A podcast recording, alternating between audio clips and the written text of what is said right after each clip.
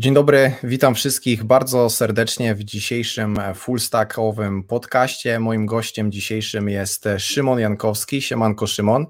E, cześć. Szymon nam dzisiaj opowie o swoim zdecentralizowanym projekcie.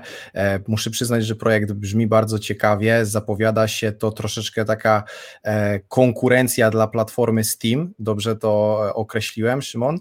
E, tak, to będzie najbardziej możliwie zdecentralizowany Steam e, docelowo, jaki e, można stworzyć. Mhm. Jeżeli ktoś nie wie, co to jest Steam, jeżeli ktoś nie gra w gry, e, to Steam jest to taki obecnie bardzo popularny marketplace z grami, projekt zrzeszający tysiące e, twórców różnych gier, gdzie po prostu gracze mogą uzyskać bardzo prosty dostęp do e, kopii gier w sposób cyfrowy. Natomiast Szymon dzisiaj nam opowie o swoim projekcie zdecentralizowanym, który buduje w oparciu o blockchain, który buduje w oparciu o smart kontrakty.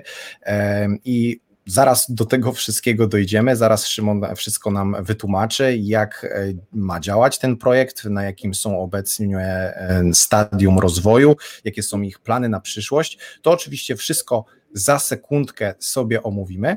Jednak zanim e, przejdziemy do Twojego projektu HashUp, chciałbym, żebyś się nieco przedstawił naszym widzom to i za chwileczkę wrócimy do projektu HashUp. E, witam Państwa serdecznie, nazywam się Szymon Jankowski, e, mam 21 lat, e, jestem CEO projektu HashUp, na którym obecnie pracuje około 20 osób. Programuję w zasadzie odkąd pamiętam, od 10 roku życia robiłem pierwsze kursy na CPPOX.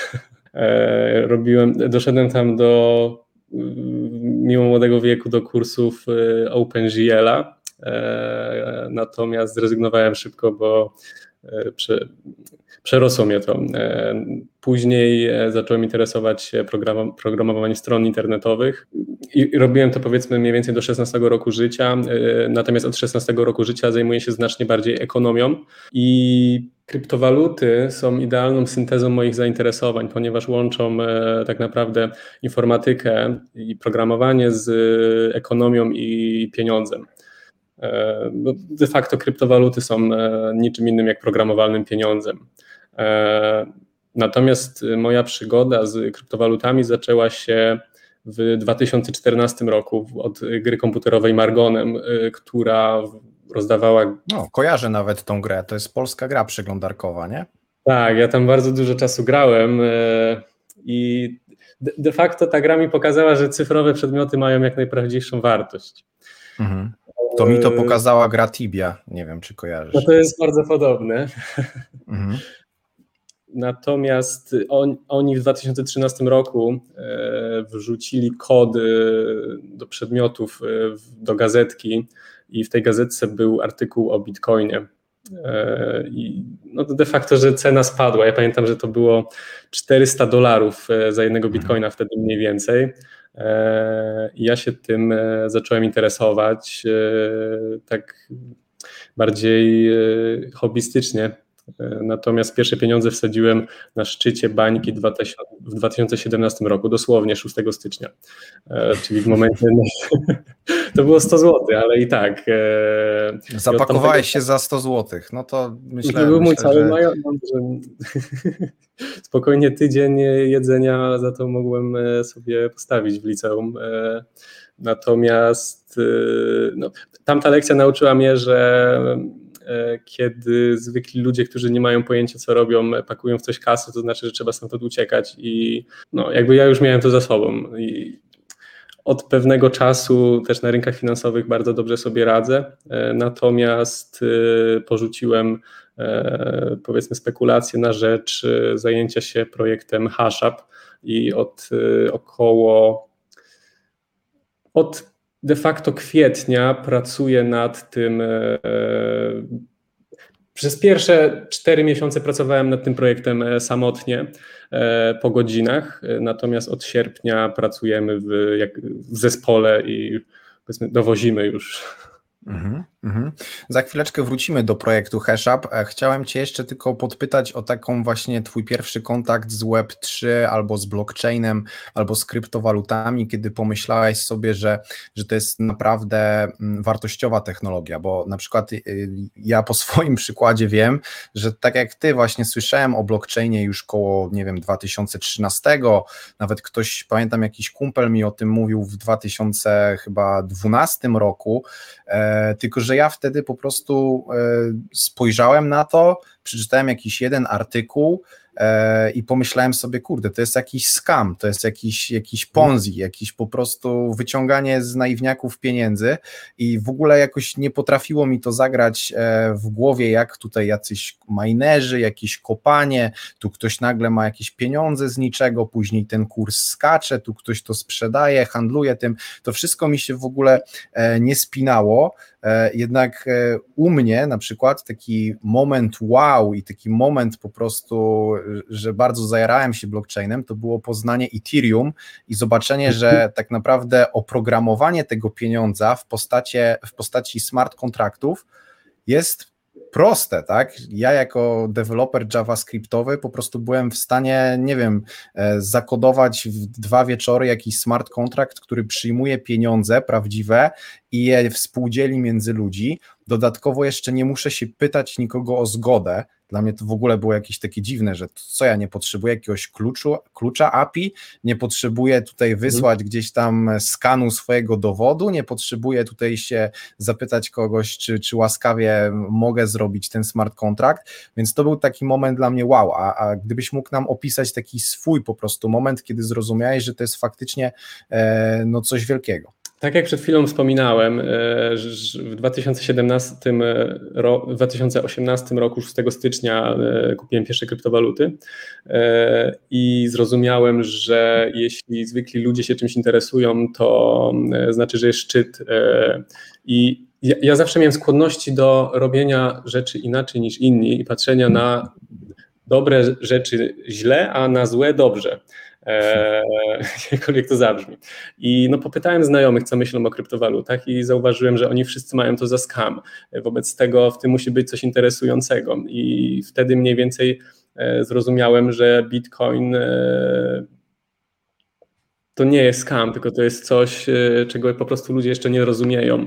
Natomiast e, kiedy dodasz do tego e, możliwość programowania tego, czyli właśnie Ethereum, no to wtedy zrobiłem sobie jeszcze większe wow w głowie i postanowiłem zrobić w wieku 19 lat swoją pierwszą kryptowalutę, która polegała mniej więcej na tym, że ze własnej kieszeni chodziłem po restauracjach i mówiłem, akceptujcie tą kryptowalutę, a ja wam zwrócę za każdy zakup e, jedzenia w niej. E, I tą kryptowalutę chciałem rozdawać w szkole, natomiast nikt się na to nie godził. E, miałem jakiś tam sukces, bo byłem prelegentem na Blockchain Alliance nawet. I wtedy z też tym poznałem... projektem, z, to, z tą kryptowalutą? Tak, tam też to nie zostało, znaczy no, Dużo razy trzeba usłyszeć nie, zanim zrobi się coś fajnego. E, mam nadzieję, że teraz robię. To, co teraz robię, nie słyszy nie, więc to jest bardzo fajne. E, natomiast e, ja też dużo się tam sprzedaży nauczyłem, bo musiałem chodzić po tych restauracjach. To, to jest na pewno taka wartościowa lekcja i też myślę, że ci to pokazało bardzo mm, tak no, na żywym przykładzie, że po prostu mimo, że technologia jest super, mimo, że na przykład ta twoja kryptowaluta rozwiązywała jakieś problemy, być może e, było coś w niej e, unikalnego z Twojego punktu widzenia, to po prostu po drodze jest jeszcze milion barier, które trzeba pokonać, prawda? I trzeba komuś coś wytłumaczyć, trzeba komuś coś pokazać. E, mhm. I, i, myślę, że to jest taka bardzo duża lekcja, którą na pewno wyciągnąłeś z tego wnioski i teraz też możesz używać tych lekcji w kolejnych projektach, że po prostu technologia technologią, ale jednak na końcu jest tam gdzieś jakiś Janusz, jakaś Grażyna, którą trzeba po prostu e, przekonać e, do, do, do swoich racji, do swojego projektu. E, I właśnie to jest tak, że jeśli Janusz i Grażyna i w ogóle osoba, która nie ma do czynienia z tą technologią, mówi nie, a założę się, że jeśli spędziłaby chociaż parę godzin na próbie zrozumienia tego, czym to jest i zmieniłaby zdanie, Zresztą tak to generalnie wygląda. Nie, nie, nie, chce mi się wierzyć, że osoba, która poświęciła dużo czasu na zrozumienie blockchaina i tej technologii, czym ona jest, że tego się nie da wyłączyć, że ta osoba nie przedłuży sobie E, po prostu e, tego, tej adopcji tego wszystkiego i nie doda kropek i nie stwierdzi, że to, to jest przyszłość pewnego rodzaju. Mm -hmm. No tak, no wiesz, tutaj niestety media nie pomagają, bo tak jak celnie zauważyłeś, e, jak kupiłeś gazetkę z, e, z, kodem do Margonema, to pierwszy artykuł, jaki przeczytałeś o Bitcoinie, to że spadł albo podrósł i tak naprawdę jak sprawdzisz sobie nagłówki, ja kiedyś to zrobiłem z, z takiej ciekawości ludzkiej, e, nagłówki z Reutersa, to okazuje się, że Reuters informuje tylko o tym, jak coś rośnie, jak coś spada, jak ktoś coś ukradł, jak kogoś za coś zbanowali, natomiast nikt w ogóle nie edukuje o tym, że Bitcoin na przykład umożliwia mm, na przykład ograniczenie inflacji, tak, hmm. czyli tego, że spada wartość pieniądza, no to na ten temat już nikt nie mówi, na ten temat już w mediach e, głośno nikt o tym nie usłyszy. I później się ciężko dziwić, że, że osoby tak naprawdę potrzebują dużo czasu, żeby się przegryźć przez te wszystkie artykuły i, i, i po prostu pojąć tą technologię. Ale dobra, zostawmy Bitcoina, zostawmy Grażyny, Janusze, e, przekonywanie klientów. Myślę, że jeżeli produkt jest dobry i rozwiązuje jakiś problem, to i tak ktoś jest przekonany, czy, czy kuma blockchain, czy go nie kuma, e, po prostu jak widzi dla siebie wartość, to się nawet nauczy tego blockchaina, ściągnie tego metamaska, e, wejdzie na giełdę i coś tam nawet wymieni jakieś fiaty na, na krypto, e, tylko musi mieć po prostu ku temu jakby odpo, odpowiednią zachętę, odpowiednią marchewkę.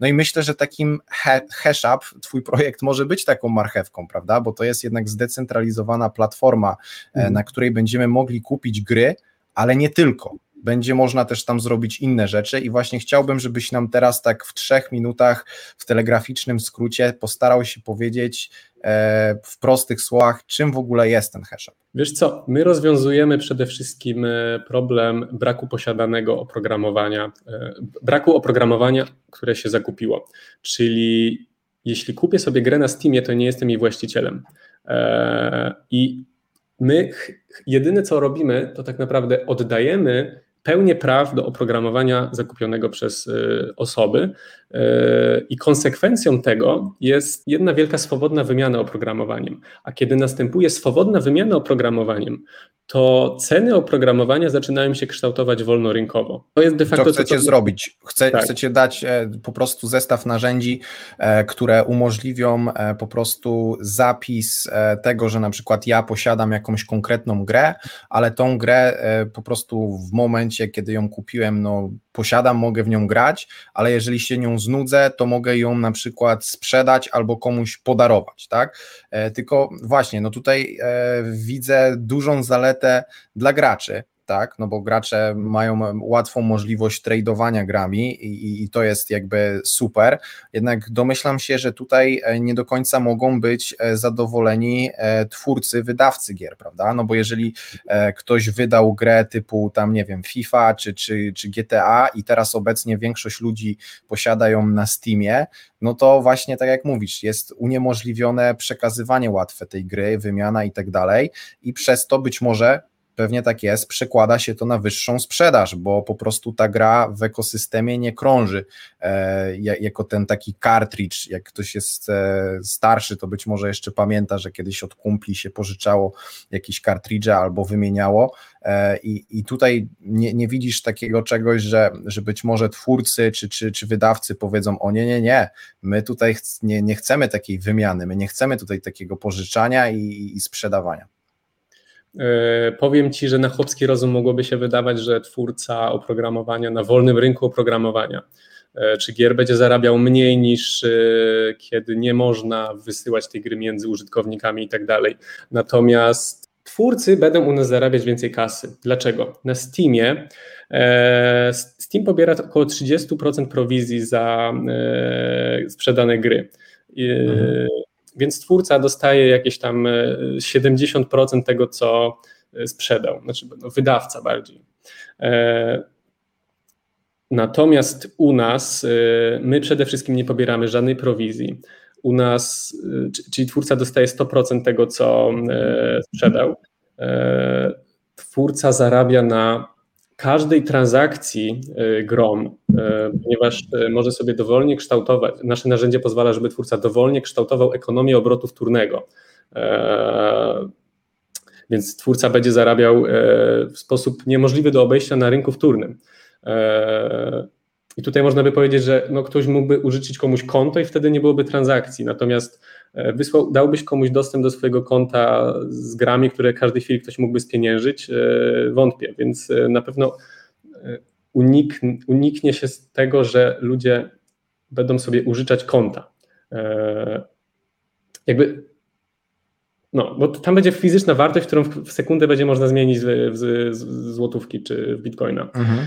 E, Rozumiem, Kolejny... czyli to będzie taki, taki marketplace, czyli że twórca decyduje się z jednej strony, że ok, umieszczam swoją grę w marketplace i ona na przykład w dniu premiery kosztuje X, a na przykład jeżeli e, ty kupisz sobie tą grę i, i później na przykład chcesz ją mhm. sprzedać e, komuś na tym marketplace, no to po prostu twórca też e, ma jakiś fee, jakąś prowizję, jakiś po prostu część tak. z, z, tej, z tej kwoty mm, dla siebie.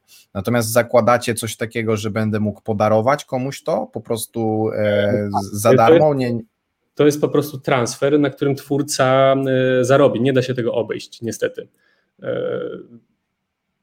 E, Okej, okay. czyli, czyli nie, nie, nie może tak naprawdę nastąpić transfer o wartości zero, tak? Czyli, że po prostu mam grę i sprzedaję ją komuś, tak? Sprzedaję ją za zero i dzięki temu obchodzę po prostu prowizję. Nie, to, to, to, to nie jest możliwe. Jeśli komuś wyślesz grę, to automatycznie z Twojego konta zostanie pobrana prowizja taką, jaką użyczył sobie twórca. Jeśli nie stać się na tą prowizję, nie będziesz e, był w stanie wysłać gry. E, okay. Natomiast ja bym chciał jeszcze dokończyć, dlaczego będą twórcy u nas więcej zarabiać, bo oni będą, tak jak mówię, 100% za sprzedaż, e, zarabianie na każdym transferze, zarabianie na dostarczaniu płynności do własnej gry, bo żebyś ty mógł sprzedać na wolnym rynku programowania grę, to ktoś musi dostarczyć płynność. Blockchain jest bardzo nieefektywny, jeśli chodzi o order booki, więc my tutaj będziemy wykorzystywać najnowsze rozwiązania z zdecentralizowanych e, finansów, jakimi są pule płynnościowe.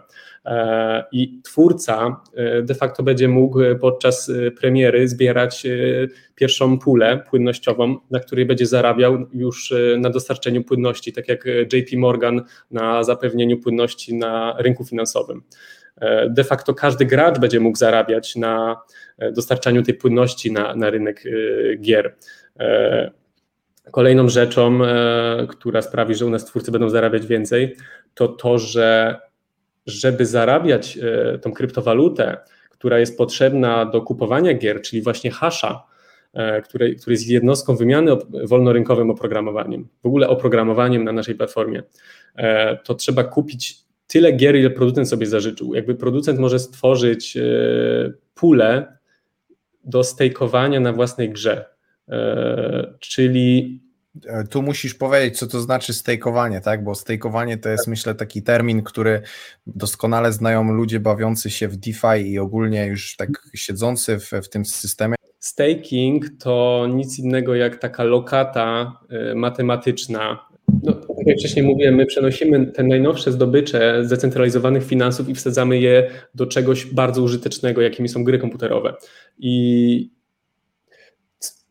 to, że można stakeować, czyli zarabiać na posiadaniu gier, e, to też jest zupełna nowość. E, I kolejny powód, dla którego gracze będą kupować po kilka, kilkadziesiąt sztuk e, gier, tylko i wyłącznie po to, by jakieś jednostek jakiejś gry, tylko i wyłącznie po to, żeby zarabiać e, w haszu, czyli w walucie wymiany jednostkami oprogramowania, e, czyli grami tak naprawdę.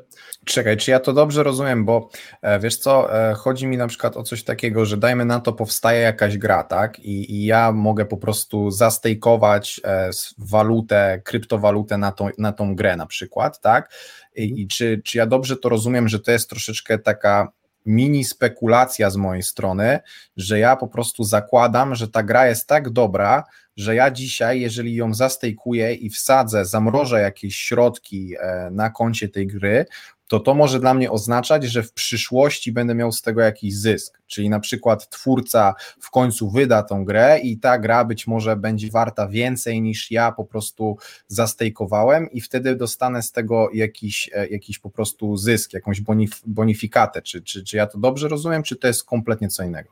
Ty dostajesz nagrodę tylko i wyłącznie za czas e, trwania wielkości blokady tych kartridży.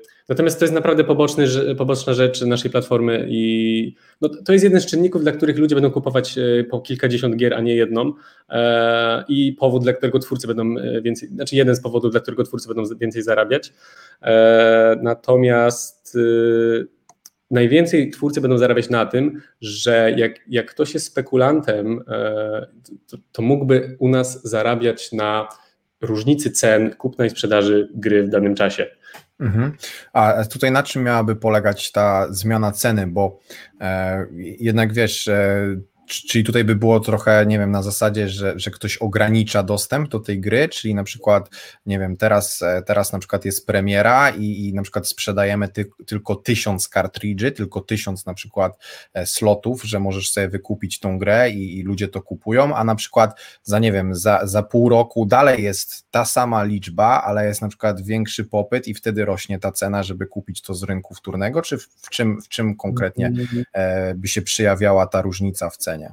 To jest tak, e, NFT są takie drogie, ponieważ jest ich mało, jest ograniczona ilość, a przez to, że ja ten system projektuję tak, żeby twórca zarabiał jak najwięcej, to w jego, to tak naprawdę daje mu narzędzie do dowolnej e, ilości kreowania e, własnego produktu w momencie wypuszczania go, go, na rynek. W sensie w momencie premiery tworzy określoną ilość gier i jeśli tam sobie nie zaznaczy, że może zwiększyć ilość, e, to tak naprawdę otwiera tym samym rynek spekulacji, bo jeśli mógłby sobie tworzyć 100 e, tysięcy jednostek dziennie własnej gry. No tak, do, dokładać w zależności od popytu, no to wiadomo, że tak. ta cena nie, nie może rosnąć, tylko wręcz może spadać, albo w najlepszym wypadku po prostu, jak będzie to super gra, po prostu być stała, tak?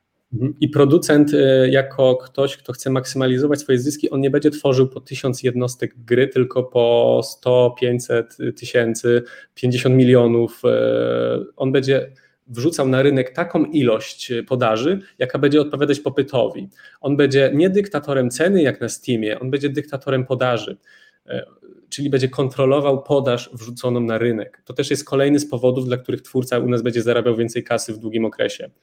Mhm bo będzie dyktatorem podaży i jakby możliwość, bo jeśli twórca zmniejsza cenę, to na Steamie jest y, super, jest promocja, ma większą sprzedaż. Natomiast, natomiast y, jako dyktator podaży twórca ma ogromne, ma, ma zupełnie nowe i dużo większe możliwości aniżeli y, dyktator ceny. To, to po prostu ma dużo większy wpływ na rynek jednej gry, bo to jest wstrząs. Mhm. Nie wiem, jak twórca nagle zdecydował na wrzucenie dodatkowego miliona podaży, to cena leci w dół kompletnie. E, I bardzo ważne, żeby twórcy nauczyli się z tego mądrze korzystać. My mamy zatrudnionego ekonomistę, który analizuje konsekwencje takiego, go, tak, takiego rynku, ponieważ nikt nigdy nie zajmował się wolnym rynkiem oprogramowania w takim stopniu, jak my chcemy to e, wdrożyć i odpowiednia edukacja twórców, e, by korzystali z tego narzędzia jak najlepiej, będzie e, w długim okresie jak najbardziej wskazana. E, I jako osoba, która kieruje tym projektem, bardzo kładę nacisk na to, żeby twórcy nauczyli się korzystać z tego narzędzia jak najlepiej, bo źle no tak, bo...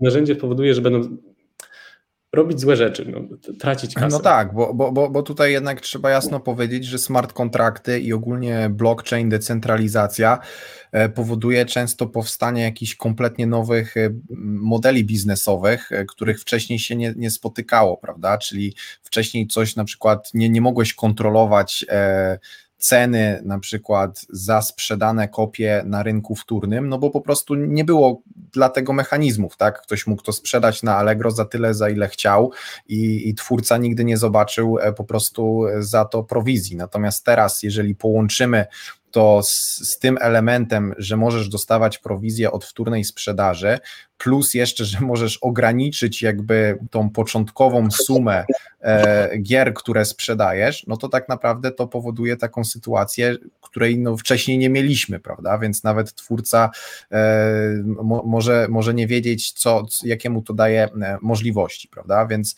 e, okej, okay. E, powiedz mi jeszcze, Szymon, tak, e, odpaliłbyś może w tle mm, slajdy, bo też sobie byśmy popatrzyli mniej więcej, jak coś jest wzrokowcem, to, to, to być może będzie też mu łatwiej zobaczyć, co tam dokładnie się dzieje w tym hashapie, jakie macie pomysły właśnie, żeby uzbroić twórców w takie dodatkowe narzędzia, w dodatkowe możliwości uzyskiwania przychodów, więc tutaj zerkniemy sobie na Twoją prezentację.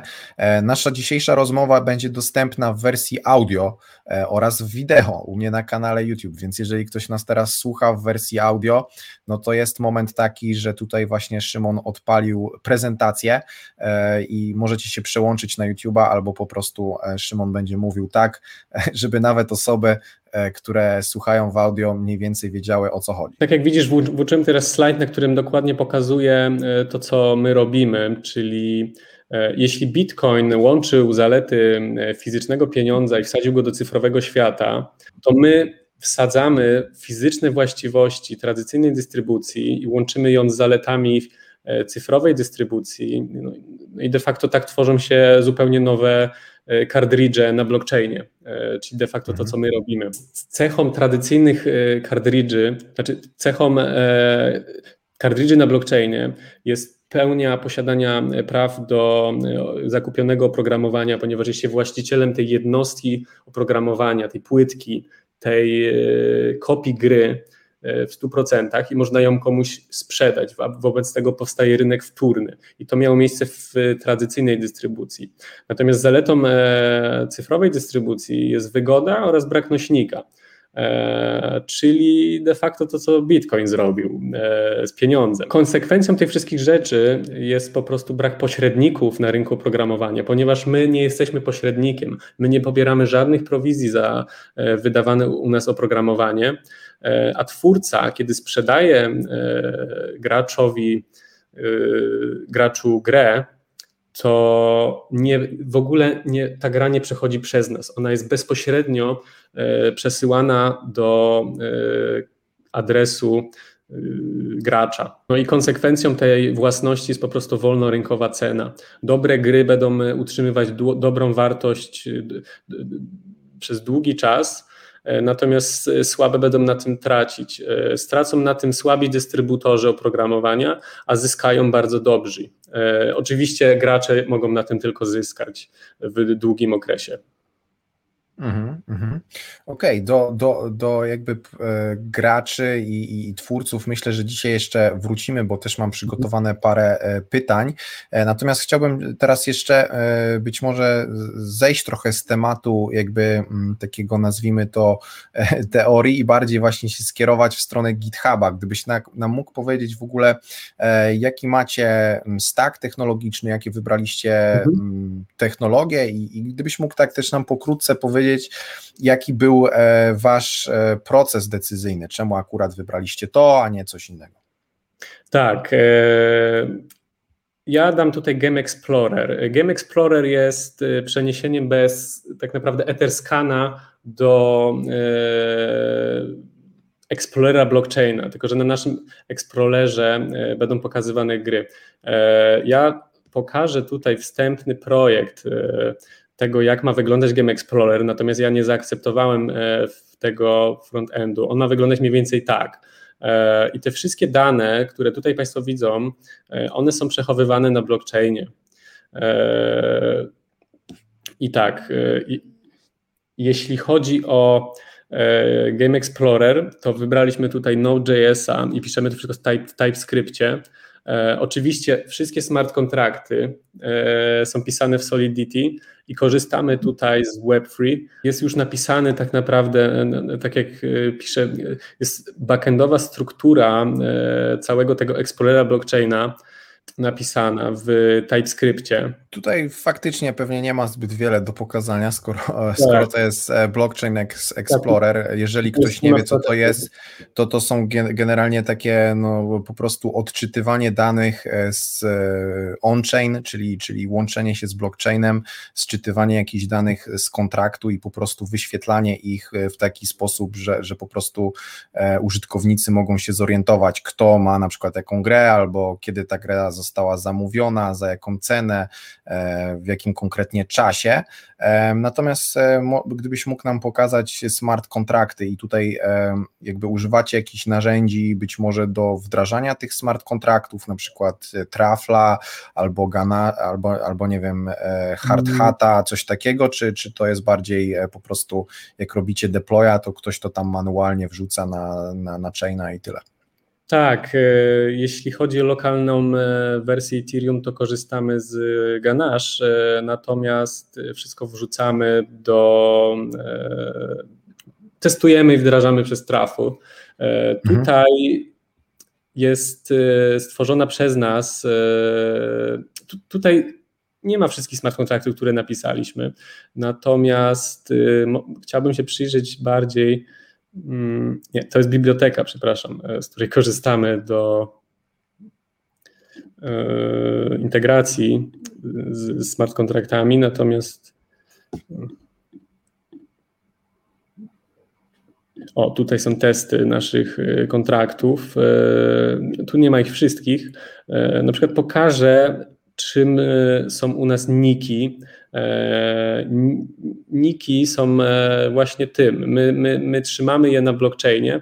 E, umożliwia to jakby połączenie kartridży z nikami pozwala na swobodne przesyłanie tych kartridży nie, nie tylko między adresami publicznymi graczy, ale też między ich nikami. Te niki oczywiście są unikalne. Czyli, czyli po prostu, żeby łatwiej się z tego korzystało i żeby ludzie nie byli schowani za tymi takimi długimi tam 40-paroznakowymi adresami, to po prostu macie, macie możliwość e, zapisania ników.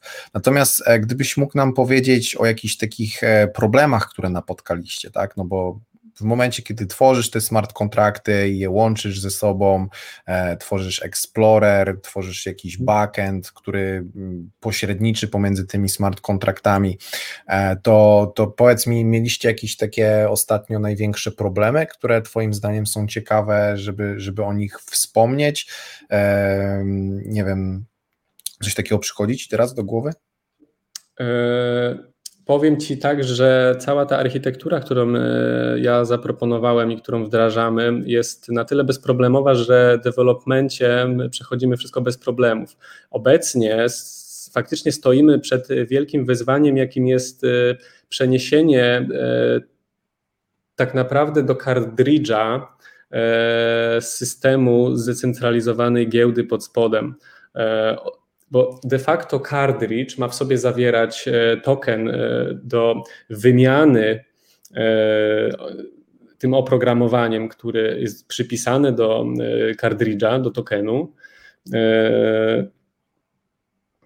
oraz proces ICO, tylko że u nas to się nazywa IGO, ponieważ to nie jest sprzedawanie coina, tylko to jest sprzedawanie gry. A IGO to jest Initial Game Offering, taka premiera gry po sztywnej cenie, na której twórca e, nie ma, na której nie ma jeszcze wolnego rynku, on się dopiero tworzy. On się tworzy w bardzo podobny sposób do rynku kapitałowego, gdzie jest IPO, gdzie dopiero po pierwszej ofercie publicznej następuje uwolnienie wolnego rynku.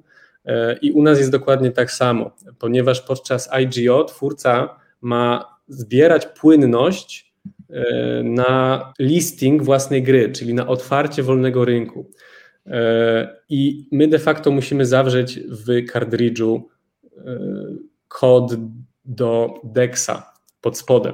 I to pozwoli nam w pełni już bez żadnej kozery mówić o nas, że stworzyliśmy najnowocześniejszy nośnik licencji na świecie ponieważ on zawiera w sobie cały skomplikowany system dystrybucji, a dla gracza, e, konsekwencją tej wolnorynkowej wymiany, tych wszystkich systemów płynnościowych i tak będzie y, koniec końców cena i przycisk kup. Jakby on nie będzie tego widział pod spodem. Natomiast y, to wszystko będzie dostarczane przez nośnik licencji jednocześnie. Mhm. Mhm. A tu, tu mi przychodzi taki do głowy jeden taki problem e, i ciekaw jestem, jak go właśnie rozwiązaliście. No bo e, na przykład trzeba jasno sobie powiedzieć, że dużo gier na Steamie kosztuje na przykład około 5 dolarów. No i teraz załóżmy sobie, e, że ja bym chciał kupić taką grę za 5 dolarów u Was, a na przykład e, obecnie mm, opłaty za gaz, na przykład na Ethereum, są takie, że zapłaciłbym za samą transakcję na przykład 23 dolary E, czyli łącznie za jedną grę bym zapłacił nie 5 dolarów, tylko bym zapłacił 28, co jest e, oczywiście dla graczy myślę nieakceptowalne, jeżeli będą mogli kupić tą grę gdzieś tam za 5 dolarów, więc e, czy tutaj zastosowaliście jakieś sidechainy albo layer 2, albo, albo po prostu macie jakiś pomysł, jak, jak ogólnie zaradzić temu? Na chwilę obecną HashUp jest cross-chainowy. Co to oznacza? Że twórca będzie musiał wybrać e, samemu blockchain, na którym e, będzie dystrybuował grę i prawdopodobnie będzie to robił na czymś dużo tańszym niż Ethereum, przynajmniej do, dopóki Ethereum będzie takie drogie. Mhm. Okay, I okay. na Binance Smart Chainie transakcje kosztują około 50 groszy na chwilę obecną i całą infrastrukturę rozwijamy na tamtym testnecie. Mhm. No tak, ale w sumie jeżeli działacie na Binance Smart Chainie, no to oznacza to, że macie wszystkie smart kontrakty napisane tak. E, w, w, Solidity, czyli napra tak naprawdę jak się pojawi jakiś, nie wiem, Polygon lepszy hmm. albo jakiś Layer 2, który wspiera Ethereum Virtual Machine, a w zasadzie wydaje mi się, że jeżeli ktoś chce się liczyć w tym świecie Web3, e, to, to musi w końcu wydać jakąś e, opcję, która jest jakby EVM friendly, to możecie się wtedy łatwo prze, przełączyć i, i, twórca może o tym zdecydować. Natomiast przychodzi mi tutaj jeszcze jeden problem, e, który tak naprawdę mają wszystkie marketplace'y świata, tak? Czyli po prostu dzwonisz do twórcy i mówisz e, siemanko, e, weź te swoje gry i, i wrzuć na HashUp, nie? A on mhm. powie, no ale dlaczego ja mam wrzucać gry na HashUp, skoro u was nie ma żadnych kupujących? Z kolei jak chcesz zaprosić kupujących, to też do nich mówić, hej, wpadajcie na HashUp, ale oni mówią, no dobra, wpadliśmy, ale tam jest trzech twórców tylko, którzy teraz mhm. sprzedają, prawda? I właśnie tu jest taki problem z marketplace'ami, że właśnie trochę taki odwieczny problem, e, co, co będzie pierwsze, czy, czy, czy kura, czy jajko e, i, i co było pierwsze, więc e, jaki macie pomysł na to, żeby przyciągnąć po prostu twórców i, i, i przyciągnąć też kupujących, dla których też trzeba pamiętać, że jakby z jednej strony to jest kompletnie nowa platforma, a z drugiej strony jest to jeszcze nowa platforma, która być może będzie wymagała jakiegoś obycia z krypto, czyli posiadania walleta, posiadania być może jakiejś kryptowaluty na Binance Chainie albo na Poligonie, albo gdzieś tam, nie? Więc tutaj tak naprawdę jest, wiesz, dużo, dużo kłód rzucanych pod nogi i, i w zasadzie jestem bardzo ciekawy, jakie macie podejście do tych problemów. Jeśli chodzi o popyt, e, to niezbyt się o niego martwię, ponieważ e, będzie można w końcu kupić coś e, prawdziwego za kryptowaluty, co dla większości ludzi jakko, jakkolwiek prawdziwą wartość ma. Natomiast jeśli chodzi o podaż, czyli twórców właśnie, którzy będą dostarczać rzeczy do kupowania, to jak najbardziej ja będę musiał poczynić ogromne wysiłki, żeby przekonać ich do tego narzędzia. Natomiast to, czym ja będę ich przekonywał, to rentownością z podaży. I przywołam tutaj projekt Helium, który również miał problem z tym, że od nich cała infrastruktura routerów. Helium to jest tak, taki blockchain, na którym możesz zarabiać, jeśli posiadasz router i on udostępnia E, dookoła sieć i zarabia się po prostu, że ten router chodzi. Jeśli byś kupił taki router w grudniu 2020 e, roku, to on by ci w pół roku 150 tysięcy złotych zarobił, jednocześnie on kosztuje 3000 złotych. E, no i co robi wtedy taki, taka osoba, która kupiła taki router i zarobiła 20 razy więcej niż e, wsadziła tam środków? No co, kupuje więcej routerów, wobec tego podaż rośnie w przypadku Helium ponieważ rentowność y, podaży jest taka wysoka. I cały ten system jest konstruowany dokładnie tak samo. To, co, co to oznacza? Że jeśli mam rację, to rentowność twórców u mnie będzie znacznie wyższa niż na Steamie i oni y, najpierw będą wydawać te gry równolegle y, i zobaczą, że u mnie 100 czy 200 osób generuje im większe zyski niż 500 czy 1000 osób na Steamie. Więc pomyślą, a co jeśli E, ja wszystkich moich odbiorców przekieruję tutaj e, i wydam ekskluzywa, że tylko tutaj będzie można e, wydać tą grę. To zależy, wiesz, jak się przyjmą te pierwsze gry, ponieważ to są tak naprawdę wyniki, z którymi będzie można iść dalej. Natomiast my tutaj już mamy pierwsze światełko na wydanie pełnoprawnej gry tworzonej przez twórców, których chyba tam zyski są szacowane na 4 miliony złotych na Nintendo Switch i na PC. E, jeszcze nie powiem kto to. Natomiast mamy pierwszą e, wolnorynkową, mamy pierwszą grę i będziemy promować ją jako wydanie pierwszej wolnorynkowej gry. I de facto cała platforma po ICO od razu będzie miała tą premierę e, pierwszej wolnorynkowej gry, na której już będziemy mogli zbadać te pierwsze wyniki, czy, czy, czy ten system ma, ma rację bytu.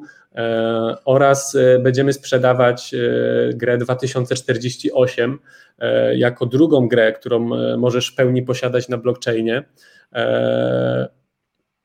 I również cena 2048 będzie osiągnięta wolnorynkowo. To też może być jakiś tam marketing. Natomiast całe zyski z 2048 oczywiście trafią do twórcy. 2048. E, może jakiś tam zabieg marketingowy, natomiast y, myślę, że bardzo pozytywnie zostanie odebrany, ponieważ uważamy, że nie powinniśmy na tym zarobić ani grosza. E, mhm. Natomiast celem tych działań jest jedynie zdobycie jakichś tam wyników, e, z którymi będziemy mogli iść dalej po, po wydawców tak naprawdę i twórców. Mhm. Kolejną rzeczą jest to, że te narzędzie de facto pozwala każdemu wydawać oprogramowanie, e, bo ono przykleja licencję i cartridge, e, cały ten nośnik licencji do oprogramowania stworzonego przez kogokolwiek. Więc e, na pewno dużo projektów, no ludzie zaczną tam tworzyć gry tak hobbystycznie i je sprzedawać tak samo jak było z kryptowalutami ponieważ to zupełnie nowe możliwości zarabiania e, dzięki blockchainowi. E, I właśnie też jeden z naszych doradców e, mówi, że bardzo ważnym jest, żeby twórcy, żeby ludzie mogli zarabiać dzięki Twojej kryptowalucie. I właśnie u mnie wielką użytecznością hasza jest to, że ludzie mogą na tym zarabiać, nawet jeśli są popytem, bo jeśli są popytem, to mogą kupować taniej i sprzedawać drożej te wszystkie gry.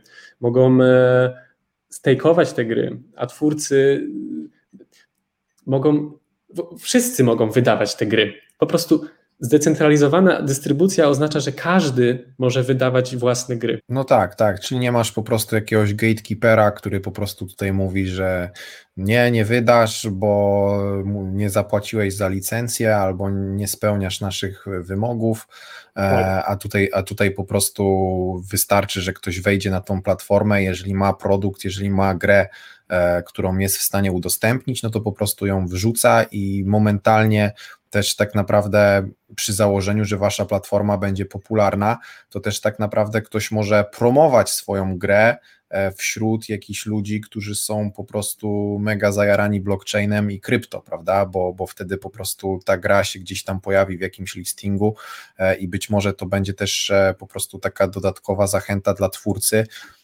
żeby po prostu się u Was pojawić, bo, bo może on e, po prostu zyskać u Was jakby atencję ludzi z tego ekosystemu. E, mam tak. do Ciebie jeszcze szybkie takie pytanie odnośnie zespołu, no bo mm, tutaj to jest bardzo dużo pracy, żeby to wszystko zrobić, żeby to wszystko dopiąć, żeby to wszystko dowieść. I teraz właśnie, czy mógłbyś powiedzieć nieco o, o, o zespole? Czy, czy to jest obecnie taki projekt, który robicie gdzieś tam w, w cudzysłowie, w garażu po godzinach? Czy to już jest bardziej projekt, który jakieś tam początkowe finansowanie zyskał i po prostu kilka osób siedzi full-time'owo nad tym projektem?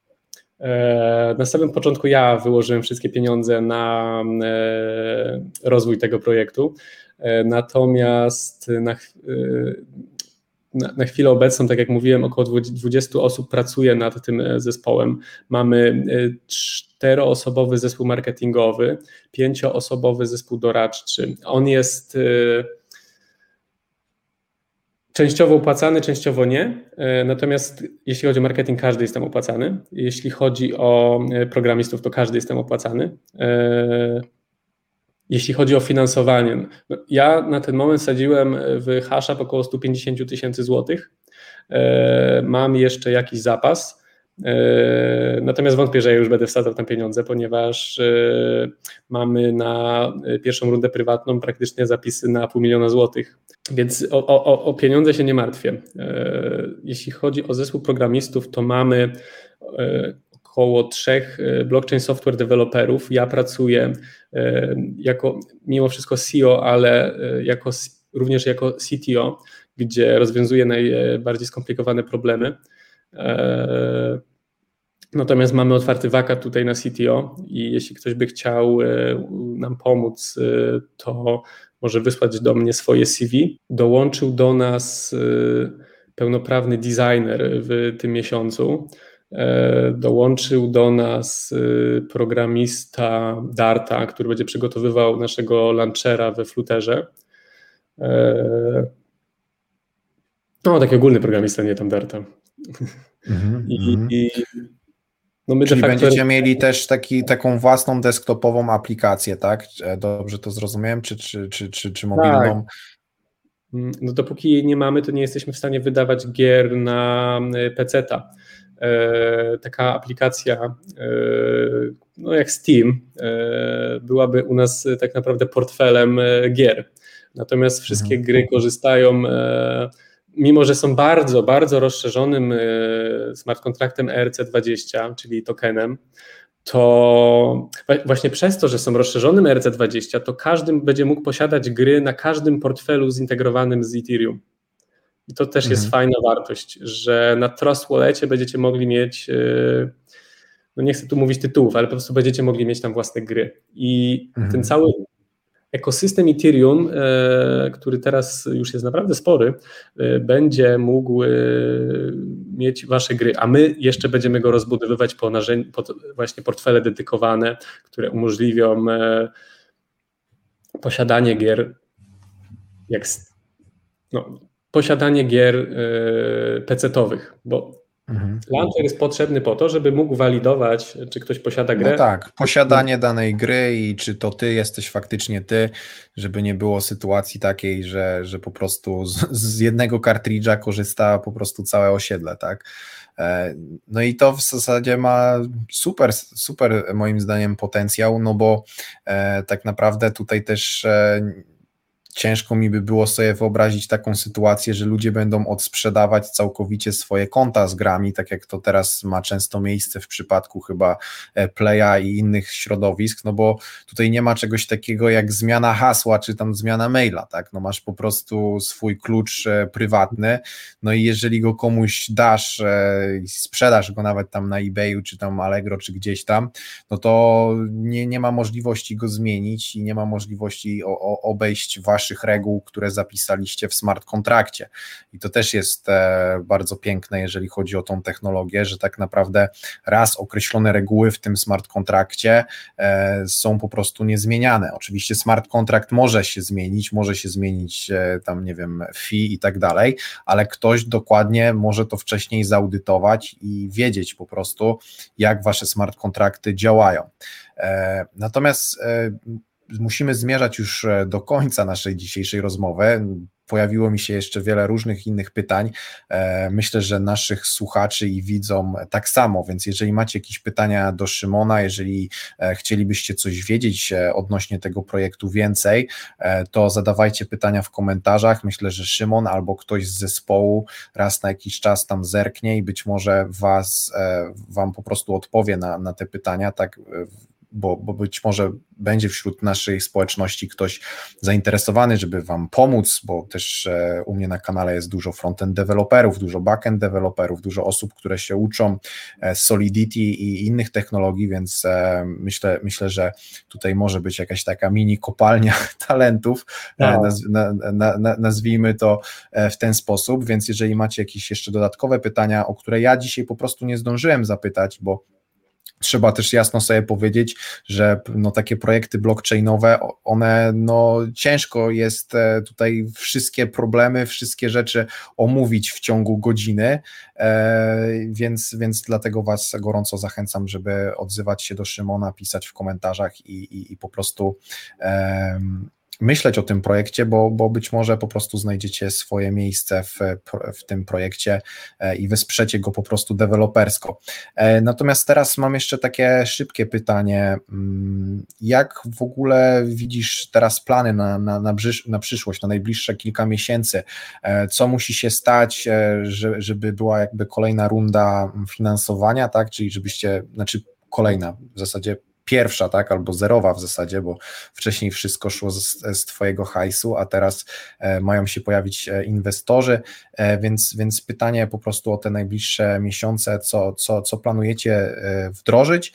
I gdybyś nam tak miał w przybliżeniu powiedzieć, ja jestem programistą, więc wiem, że estymacje to nie jest nasza mocna strona, ale gdybyś miał mniej więcej powiedzieć, kiedy będę mógł wejść na platformę i coś kupić tam i na przykład, nie wiem, tak. za, wziąć udział e, w, w tym initial game offering, albo żeby mógł kupić grę, albo żeby mógł odpalić launcher. Jak myślisz, czy to jest perspektywa, nie wiem, e, pół roku, roku, czy trzech miesięcy? Jak to w ogóle widzicie? E, wiesz co, no na przykład Game Explorer jest gotowy, my tam czekamy tylko na frontend. Cartridge de facto też jest gotowy. E, jeśli chodzi o plany na najbliższą przyszłość, to mamy przed sobą dwie rundy prywatnego finansowania, o których nie chcę tutaj mówić, ponieważ e, nie chcę od nikogo tu, tutaj pieniędzy. E, natomiast cały marketing zacznie ruszać około środka października. Też ten wywiad tak naprawdę zaczyna całą serię wywiadów ze mną. Ja już jestem poumawiany na praktycznie pięć wywiadów do przodu oraz kilka artykułów w gazetach. E, więc cały ten marketing tak naprawdę ruszy. E, na pewno Państwo o mnie wcześniej nie słyszeli, chyba że e, na wykopie. Zresztą pozdrawiam wszystkich wykopowiczy. Około grudnia, stycznia będziemy mieli ICO. ICO, czyli Initial Coin Offering. I zazwyczaj projekty robią ICO, kiedy zbierają fundusze na rozwój jakiegoś projektu lub no po prostu kiedy chcą wdrożyć jakąś ideę w życie. Natomiast my, pode, my podeszliśmy do tego zupełnie inaczej. My będziemy mieć ICO już z całkowicie gotowym produktem i można powiedzieć po co. My zbieramy kasę na płynność i na utrzymanie tego. E, kasa z ICO będzie przeznaczona na płynność, czyli na to, żeby twórca lub jakikolwiek gracz, inwestor mógł y, kupić e, hasze i nie mieć zbytniego wpływu na cenę hasza oraz kiedy twórca zarobi dużo e, pieniędzy, e, żeby bez problemu mógł sprzedać te hasze na rynku. E, I mo, moim zadaniem będzie w ciągu najbliższych dwóch lat uzyskać jak największą pulę płynności po to, żeby duzi deweloperzy, którzy zarabią po 50 milionów dolarów na, na, na grze, nie powodowali 90% zniżki ceny hasza. Mhm jeśli chodzi o te plany na najbliższą przyszłość, no, to tak. IC, zbiórki prywatne, ruszenie marketingu, e, to jest październik, listopad. E, w grudzień, styczeń to jest ICO razem ze startem platformy, czyli od, od grudnia, stycznia Państwo będą mogli e, tak naprawdę już wydawać własne oprogramowanie u nas i kupować gry i wymieniać się między nimi, między tym ze znajomymi. Natomiast jeśli ja mam rację, to powinienem mieć bardzo fajne wyniki, chyba że nie wiem, trafimy naprawdę na jakąś mega burzę na rynku, że nikt nie chce już tego dotykać. Y, mam nadzieję, że tak nie będzie, natomiast to jest jakiś tam problem. No, po prostu te pierwsze gry pokażą, e, czy mamy rację, czy nie mamy. I jeśli mamy rację, to będziemy mieć wyniki, z którymi będziemy mogli iść do funduszy e, inwestycyjnych y, już pełnoprawnie i mówić, e, że ej, Epic e, wydało 12 miliardów dolarów e, w pokonanie Steama, ale oni kompletnie nic nowego nie zrobili poza rozdawaniem gier za darmo. E, jeśli wydalibyście, jeśli dalibyście nam kasę, nie, 100 milionów dolarów na wydanie kilku gier u nas, to zobaczcie, co będzie, bo naprawdę ten system jest bardziej fair dla twórców i bardziej fair dla gra, graczy. I prędzej czy później nie wiem, czy to będziemy my, natomiast ktoś e, stworzy coś podobnego, co pokona Steama, bo nie da się e, w sposób scentralizowany tak maksymalizować dobrze zysków, jak w sposób zdecentralizowany na wolnym rynku. Mhm. No właśnie, tu chciałem Cię już zapytać e, na koniec takie szybkie pytanie, bo jednak jak się rozmawia z ludźmi o blockchainie, to dużo jest ja przynajmniej zawsze dużo wyczuwam takiego sceptyzy, sceptycyzmu, że to jest drogie, że to jest wolne, że po co w ogóle wrzucać to w blockchain, jak masz bazy danych, jak masz Firebase'a, jak masz clouda całego i ludzie po prostu nie kumają tego, że, że dobrze, masz tego clouda, masz tą całą infrastrukturę, ale ona jest trzymana w łapskach e, trzech korporacji, tak? I, i, I, po prostu to nie jest dobra sytuacja, kiedy, kiedy po prostu karty są rozdawane przez e, trzech e, graczy. E, mhm. I, I, właśnie wiele osób mam, mam wrażenie, że, że nie wierzy w to, że w ogóle ta sytuacja może zostać odmieniona, albo w ogóle nie wierzy w cały ten mechanizm decentralizacji, że on może po prostu faktycznie wystartować i zadziałać. Dlatego teraz też mam do Ciebie takie pytanie dlaczego tak bardzo wierzysz w decentralizację i, i, i blockchain? Dlaczego uważasz, że to faktycznie ma przyszłość i że ma to e, możliwość zadziałać? Wiesz co, e, produkty dostosowywują się do rodzaju dystrybucji, e, w jakim są dystrybuowane. Na przykład firmy cechują się maksymalizacją zysku i aukcjonariusze oczekują, by firma zarabiała jak najwięcej pieniędzy. I to pewnego rodzaju patologię e, rodzi i tam niektórzy e, podają wątpliwość wolny rynek właśnie przez to, że firmy są nacechowane na maksymalizację zysku e, przez właśnie sposób dystrybucji firm, czyli przez giełdę i przez akcje. Bo inwestorzy wymagają jak największych no zysków. Tak, co, co roku ma być wzrost, tak? tak? Co roku Natomiast, ma być 10% więcej tak. i tak dalej, nie?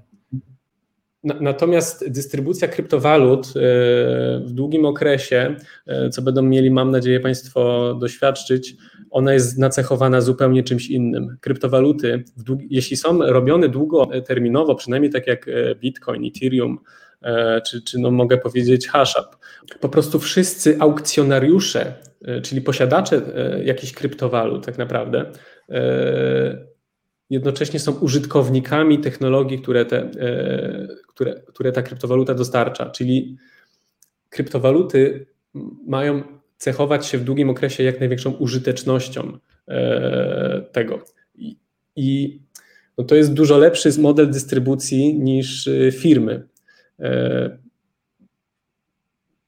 No tak, no bo tutaj tak naprawdę nie, nie masz po prostu jakby dużej sumy pieniędzy w rękach tam, nie wiem, ośmiu, ośmiu osób, tak, które chcą sobie kupić kolejny jacht, które chcą sobie wybudować coś albo po prostu zainwestować w jakąś kolejną firmę, tylko tutaj tak naprawdę ta waluta, mm, je, która jest krwiobiegiem w takich projektach jak na przykład HashUp, ta waluta jest w posiadaniu e, tysiący tak naprawdę użytkowników tego systemu, i, i, i po prostu tutaj nie ma takiej możliwości, że 8 mhm. osób może zdecydować nagle, że po prostu robimy pivota i, i, zajmujemy się kompletnie czymś innym, tak? Słuchaj, to jest tak. E, jeśli Steam zrobiłby coś, co maksymalizowałoby zyski firmy, to e, akcje Steamu by urosły. Jeśli HashUp zrobiłby coś, co maksymalizowałoby zyski The Hasha Foundation e, czy Corporation, jeszcze się nie zdecydowaliśmy na tą nazwę, czyli jakby ludzi, którzy tworzą to wszystko, to cena hasza spadnie. Wobec tego no my, naszym celem jest oczywiście wzrost HashUpa, E, w długim okresie, a to oznacza, że my musimy tak jak mówiłem, być jak najbardziej transparentni, e, jak najbardziej niezawodni i po prostu tworzyć jak najbardziej użyteczną wartość dla wszystkich użytkowników. Mhm, mhm. No dobrze, Szymonie, dziękuję Ci bardzo za to, że znalazłeś czas, żeby opowiedzieć nam o Hashapie. E, w opisie do tego nagrania, w, zarówno na YouTubie, jak i w podcaście, znajdziecie wszelkie linki, gdzie możecie przeczytać więcej o tym projekcie. Trzymam kciuki za Was, będę Wam kibicował, będę na pewno e, śledził. E, I co? Zapraszamy do śledzenia Hashapa w, w Waszych kanałach. Tak, e, bardzo dziękuję, jeśli ktoś e, dotrwał do końca. E, ja chciałbym jeszcze powiedzieć do wszystkich, że to jest niesamowita radość, że możemy tworzyć coś zupełnie nowego, ponieważ przed nami czegoś takiego nie było. Natomiast jeśli Państwo tylko zaczną się zastanawiać się nad tym wszystkim, to dojdą do wniosku, że prędzej czy później ktoś takie coś musiał zrobić i zrobi, i no, zobaczymy, czy to będzie po prostu bardziej opłacalne dla dla wszystkich. No, ja, ja, bym chciał w końcu móc wysłać e, grę przyjacielowi czy bratu. No, nie mogę. Czemu?